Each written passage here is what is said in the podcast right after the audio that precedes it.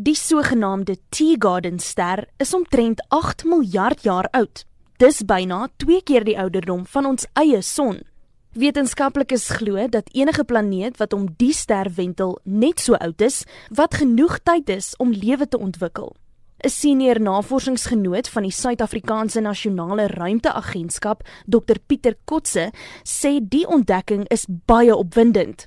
Hy sê dit is die enigste planete wat soortgelyk aan die aarde is en om 'n ster wentel wat tot dusver gevind is. Daar is ook al soortgelyke planete ontdek in die uh, Centauri konstellasie wat ongeveer 4.5 ligjare van ons af is. Maar wat hierdie so uniek maak is dat dit baie aardagtig is en ook dat hulle heel waarskynlik naby geleë is aan 'n ster wat ons 'n rooi dwerg genoem, wat is nie te warm nie. Die ster is heelwat koeler en het ook die potensiaal om nie aggressiewe sonuitbarstings te lewer nie. So hierdie planete is ook geleë binne die bewoonbare sone wat ons kortliks voor ook afkort as die goue lokkie sone van bewoonbaarheid. So daar's heel waarskynlik besit hierdie planete vloeibare water Kotse sê hoewel die planete se oppervlaktes heelwat koeler as die aarde se is, kan daar op die naaste planeet, Teegarden B, heel moontlik al primitiewe forme van lewe gevorm het.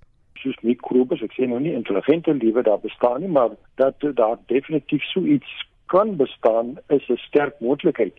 Die ander planeet, Teegarden C, hy sit 'n bietjie verder weg van die oppervlak van hierdie nabygeleë ster en net ook maar sy temperatuur is hier amper soortgelyk aan wat ons op Mars gaan vind. Dit wil sê dis hier in die omgewing van -47 grade Celsius. So die kans vir lewe om daar te vorm is 'n baie wat kleiner as om byvoorbeeld vir die binneste planeet wat ook blyk uit wat inligting wat ons het ook 'n rotsagtige planeet gaan wees. So alles dui daarop dat daar potensiaal is vir verdere navorsing om uit te vind wat is werklik op hierdie planete aan die gang en hoe het die planete ontwikkel ontwikkel deur al die jare. Volgens Kotse het die ontdekking van die twee Teegarden planete die potensiaal om baanbreker navorsingsresultate te lewer. Die groot vraag wat natuurlik moet eers gevra word, besit hierdie twee planete wel 'n atmosfeer? Want as dit nie 'n atmosfeer besit nie, dan is daar die kans omtrent basies nul vir enige vorm van lewe om te kon vorm. En dan wil mens natuurlik uitvind hoe uh, aktief hierdie uh, planete is. Is daar enige vorm van metaangasse wat in die atmosfeer vrygestel word? Want dit is 'n aanduiding van mikrobiese lewe of een of ander vorm van primitiewe lewe. Is die teenwoordigheid van staan baie belangrike komponent om te gaan sien en ook om te kan waardeer. En dan ook om te sien of hierdie planete die moontlikheid besit om enige vorm van lewe te kon onderhou of te kon waarop dit kon ontwikkel het.